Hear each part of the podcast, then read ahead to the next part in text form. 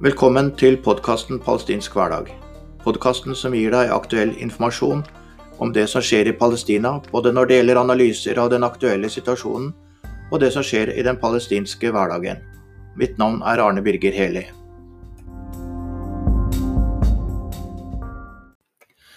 På YouTube ligger det en rekke filmsnutter fra Palestina. De viser israelske bulldosere og, og gravemaskiner som river palestinske hus, mens israelske soldater holder den fortvilte familien unna. For etter at huset deres er revet, så står de på bar bakke bokstavelig talt. For de får jo aldri noe erstatning fra Israel fordi at huset deres er revet. I perioden 2006 og fram til nå ble det på Vestbredden revet 1552 bolighus, noe som førte til at 6800 mennesker ble hjemløse. De fleste husene som ble revet var i Jeriko og Hebron.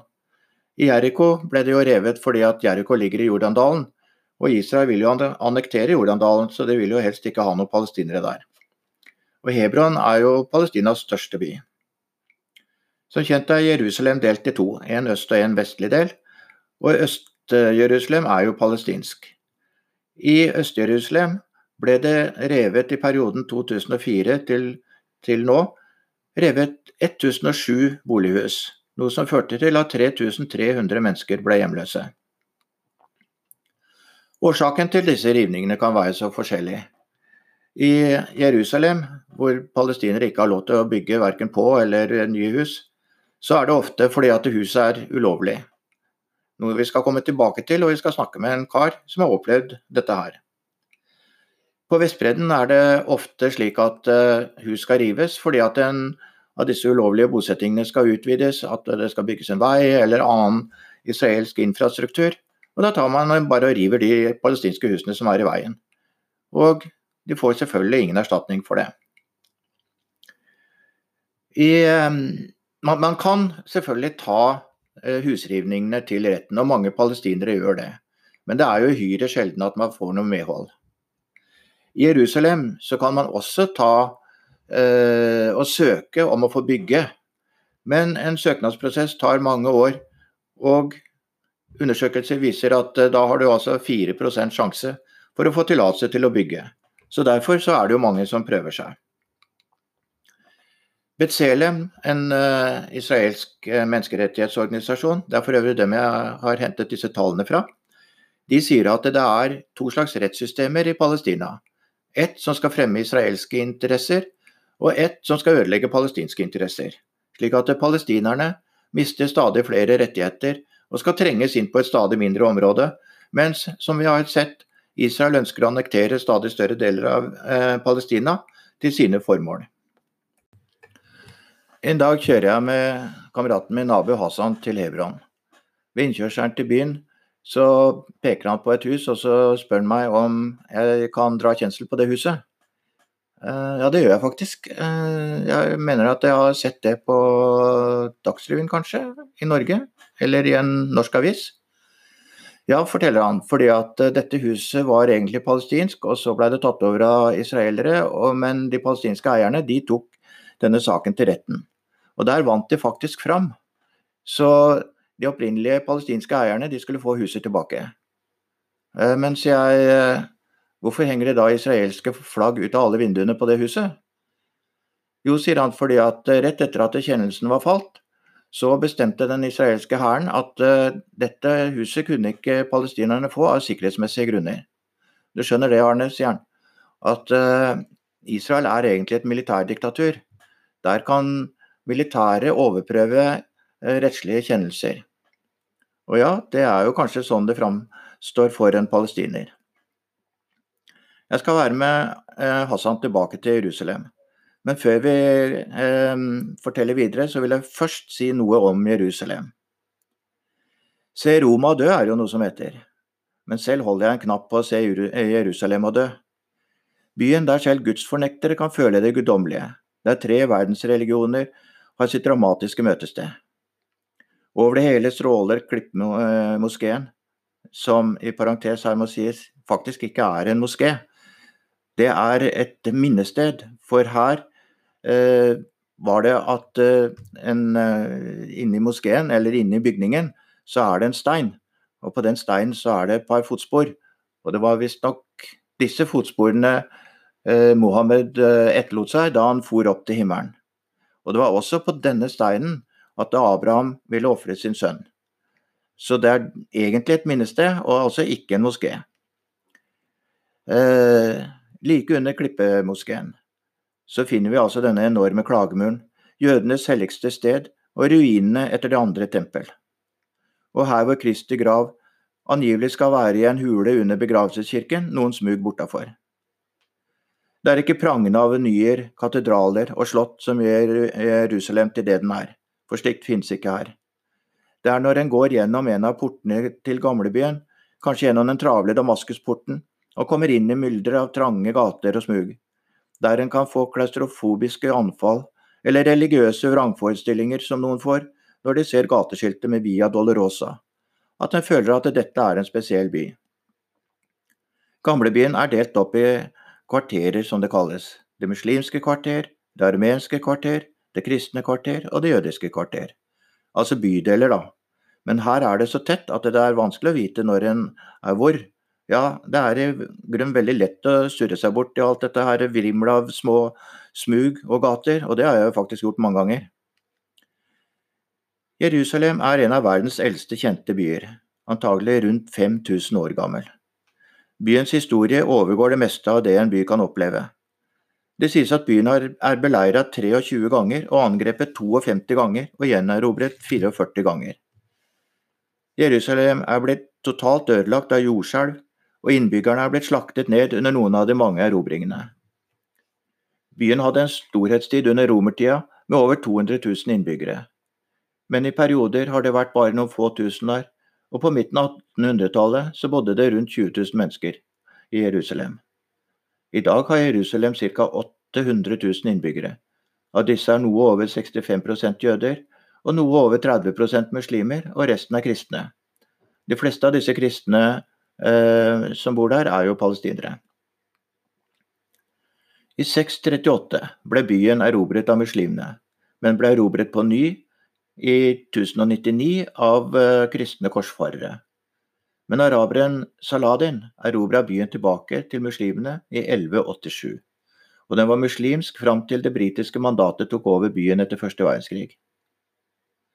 I delingsplanene for Palestina fra 1947 så skulle Jerusalem være under internasjonal kontroll, men den ble delt under den israelsk-arabiske krigen i 1949 i en jordansk og en israelsk del, altså henholdsvis Øst-Jerusalem og Vest-Jerusalem.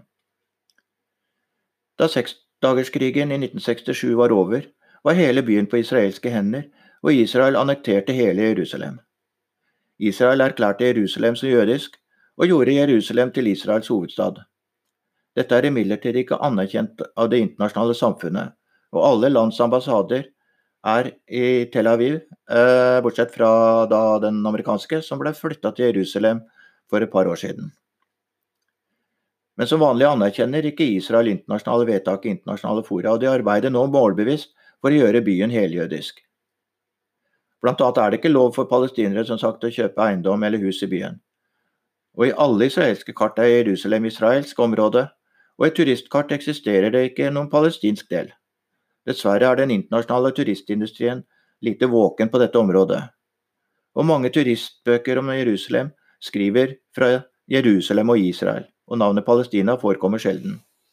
Ja, til og med byer i Palestina som Hebron, som jo ligger midt inne i Palestina, omtales i turistbøker som at de ligger i Israel. I gamlebyen vrimler det alltid av turister, men jeg har opplevd det helt tomt.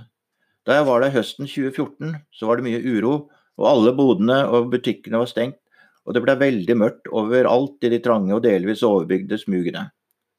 Ja, det var egentlig kanskje litt uh, spøkelsesaktig, egentlig. Det eneste som var å se, var soldater og grupper av sinte unge palestinere, og begge parter venta på at noe skulle skje. Men Hassan og jeg, vi skal til Silvan, Silvan er en trang dal rett nedenfor gamlebyen i Jerusalem, hvor det bor rundt 55 000 mennesker. Her var det stille og fredelig inntil jødiske bosettere begynte å trenge seg inn i området rundt 1990. Fra de trange, støvete gatene med slitne hus, som er preget av fattigdom, kan se opp på muren til gamlebyen, og man kan se den gylne kuppelen til Klippmoskeen og minareten utenfor Al-Aqsa-moskeen. Denne fattigslige bydelen er palestinsk, men israelerne i han. Flere steder ser vi israelske flagg henge ut av vinduene, og det er hus som israelere har klart å overta. Det er mye uro her, og stadige raids fra israelske soldater og angrep fra eh, illegale israelske bosettere. Her får ingen palestinere lov å bygge eller bygge om på husene sine, og som nevnt har de heller ikke lov å kjøpe eiendom, så, eh, så trangboddheten er enorm. Hassan, som guider meg rundt, sier at det er akkurat som i en flyktningleir her. Eh, ja, det er i grunnen riktig når jeg ser meg om, fordi at det minner om flyktningleirer rundt omkring i Midtøsten hvor jeg har vært. En som har fått merke israelernes vrede når det bygges, er Khaled Sin. Khaled er en høy mann i 40-åra, kanskje, med et alvorlig ansikt. Han er gift, og de har seks barn. Hans familie har bodd i Silvan i generasjoner, og farfaren eier et jordstykke. Ettersom han måtte ha et sted å bo sammen med familien, så fikk han lov til å bygge på farfars jordstykke, en skråning bare noen hundre meter nedenfor muren til gamlebyen. Altså, fikk bygget er kanskje et misvisende uttrykk, for det er jo ikke faren som bestemmer om han kan få lov til å bygge der. For israelerne har jo bestemt at ingen palestinere får bygge Silvan, selv ikke på en steinete skråning nedenfor muren til gamlebyen. Dette visste jo naturligvis Khaled, men han bygde et enkelt hus allikevel. Så kan man spørre, kanskje han burde søkt? Ja, alle kan jo søke, da, som jeg nevnte, men um, det vil jo ta årevis å få noe svar, og altså 4% sjanse for at han skulle få ja. Så han prøvde seg allikevel på å bygge huset sitt. Da huset var nesten ferdig, så kom israelerne med bulldosere, beskyttet av soldater, og jevna huset med jorda. Men Khaled er ikke den som gir seg. Han mener palestinerne har rett til å bygge på egen jord, så saken fikk en eiendommelig utvikling. Han bygde først huset opp igjen på samme sted, men med samme resultat. Israelske bulldosere kom og jevna huset med jorda. Nå er det slik at denne tomta ender i en fjellskrent ned på en liten plass inntil gata nedafor. I fjellskrenten er det en hule der det bor noen geiter som de eier. Og de er ikke kasta ut ennå, i hvert fall. Om de har tillatelse til å bo der, det veit jeg ikke. På den bitte lille sletta inntil gata så bygde Khaled sitt neste hus, bestående av ett rom på kanskje 20 kvadratmeter menten, sånn cirka. Da det sto ferdig, kom nok en gang en bulldoser, flankert av en tropp soldater. Dette var klokka seks om morgenen. Khaled fikk beskjed om at huset skal rives, men han kunne jo få fem minutter på seg til å ta saken til en domstol. Vel, klokka var jo seks, og domstolen åpner klokka ni. Så ble dette huset også revet, og da flytta familien inn i hula, og geitene fikk klare seg utenfor. Men heller ikke der fikk de bo. Men denne gangen behøvde jo ikke soldatene ha med bulldoser når de ble kasta ut. Så nå bor de på rundgang hos familien til Khaled. På tomta er dette har, eh, etter dette lille huset så har Khaled satt opp noen lekeapparater som, på, som nabobarna kan få lov til å leke i og han er spent på om det kan komme soldater og bulldosere denne gangen også, for han har jo ikke søkt om tillatelse til å sette opp noen, leker, noen, noen, noen leker der. Khaled er bitter på Vesten. Han mener de tenker bare på israelerne. I parentes, det har jeg hørt mange ganger fra palestinere. Og bryr seg ikke om palestinerne. Folk i Vesten skulle hatt det som oss en halv dag. Vi vil ikke noe annet enn at dere våkner opp og stopper all denne dritten for vi er jo mennesker, vi også. Og vi har jo aldri plaga jødene. Israelerne de kan gjøre som de vil. Og åssen skal dette ende? Alle må jo forstå at Israel vil ha oss ut. Og han filosoferer videre over barnas skjebne. Hvordan skal det gå med dem? Og hva tenker barna når det kommer soldater for å rive huset de bor i? Og han finner noe av svaret i sin egen bydel. Det er stadig konfrontasjoner mellom ungdommer og israelske soldater, og flere av ungdommene er drept.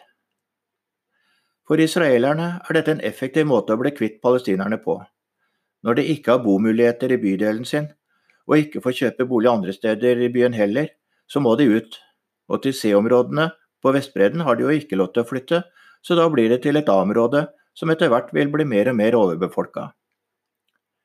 Jerusalem er en delt by mellom palestinere og israelere. Men delingen er ikke bare etnisk og politisk, den er ikke minst delt sosialt og økonomisk. Etter at byen ble underlagt Israel etter seksdagerskrigen, betyr det at alle innbyggere, israelere som palestinere, betaler de samme skatter og avgifter til byadministrasjonen. Men fordelingen ut igjen er grunnleggende urettferdig. Mens Vest-Jerusalem har gode skoler og rene gater, ser en raskt forskjellene når man krysser Shivtei, Israelgata og over i øst. Her mangler skikkelig renovasjon, offentlige bygninger er slitne, og skolene langt dårligere enn i vest. Jeg er på besøk hos en kar som heter Kamal Faran. Han er en mann i 60-årene med en imponerende mustasje. Vi er invitert inn i hans enkle murhus på en ås utafor Nablus. Rundt ligger noen andre større bolighus, de er alle i samme familie og er bønder. Eller rettere sagt, Kamal var bonde da han slo seg ned her for 40 år siden. Lenge før noen hadde hørt om A-, B- og C-områder fra Oslo-avtalen. Men da begrepet oppsto, ble familiehusene liggende i C-området, bortsett fra halvparten av ett av husene som ble liggende i B-området. Så det første som skjedde da, var at Kamal mista beitelandet sitt til bosettinga som vi ser et stykke bak huset hans. Og dermed ble mesteparten av inntektene hans også borte. En måned før vi var der, så dukka det opp noen israelere på gården. De begynte å gå rundt og ta bilder, og Kamal spurte hva som foregikk. Han fikk da beskjed om at husene her skal rives, fordi åskammen skal tilbakeføres slik den var fra naturens side. Dette er naturligvis meningsløst å hevde fra israelere, som jo bygger alle sine bosettinger på åskammer. Men her skulle det bli naturområde, og du har ikke rett til å bo her. Kamal er imidlertid sikker på at dette ikke er sant. Det som er hensikten, er å utvide bosettingen bortafor gården. I etterkant fikk han et brev som dokumenterer at husene skal rives. Han viser meg brevet. Det er eh, på to spalter, en på hebraisk og en på eh, arabisk. Det er ikke angitt noe tidspunkt for når eh, huset skal rives. Og som vanlig for palestinere som får slike beskjeder, vil han ta saken til retten. Selv om bare noen få prosent får medhold i slike saker, for de behandles jo i israelsk rett. Kamal er fortvila. De har jo ikke noe annet sted å bo, og ikke får de jo noen erstatning for husene sine heller. Riktignok er det blitt ubehagelig å bo her fordi det kommer pøbler fra bosettingen rett ved og plager dem og kaster steiner inn gjennom vinduet, men nå har de satt opp gitter slik at steiner ikke skal komme inn i boligen. Jeg spør Kamal hva han skal gjøre nå. Jeg vet ikke, svarer han, jeg er bare en fattig bonde. Her har jeg bodd i 40 år, hele mitt voksne liv, og nå river de huset, da skal jeg legge meg i senga mi, og så får huset bli min grav. Nå har vi hørt om både Kamal og Kendal, den ene i Jerusalem og den andre i en liten by utafor Nablus, som begge får revet husene sine, slik som mange andre palestinere opplever. Og israelerne henviser til lover og dokumenter og rettspraksis, men hele greia har jo et absurd utgangspunkt. For det er jo i utgangspunktet ulovlig for, for israelerne å være i Palestina. Det, det er jo okkupert. Så dette skuespillet med å henvise til lover og regler og paragrafer er jo helt meningsløst. Det var det for denne gangen. Neste gang skal vi snakke om hvordan palestinske barn har det under okkupasjonen. Så da høres vi, forhåpentlig.